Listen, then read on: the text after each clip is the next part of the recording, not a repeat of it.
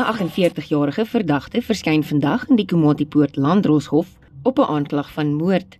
Volgens die polisiewoordvoerder, kolonel Donald Mdluli, het hy sy 46-jarige vriendin Vrydagoggend in Komatipoort doodgesteek.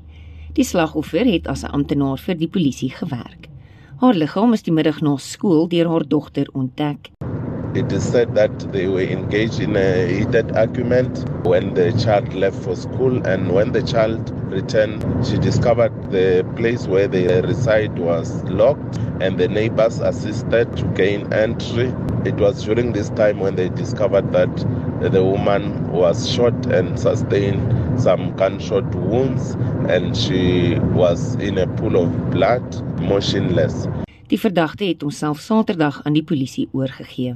Intussen verskyn 'n 26-jarige vrou vandag ook in die Imalashleni Landdroshof op aanklagte van moord.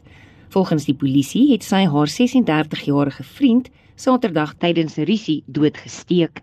Hy is die aand in die hospitaal weens die wonde aan sy bolyf dood. Die Mpumalanga polisiekommissaris, luitenant-generaal Semakaleng Manamela, het die polisie geloof vir die spoedige arrestasie.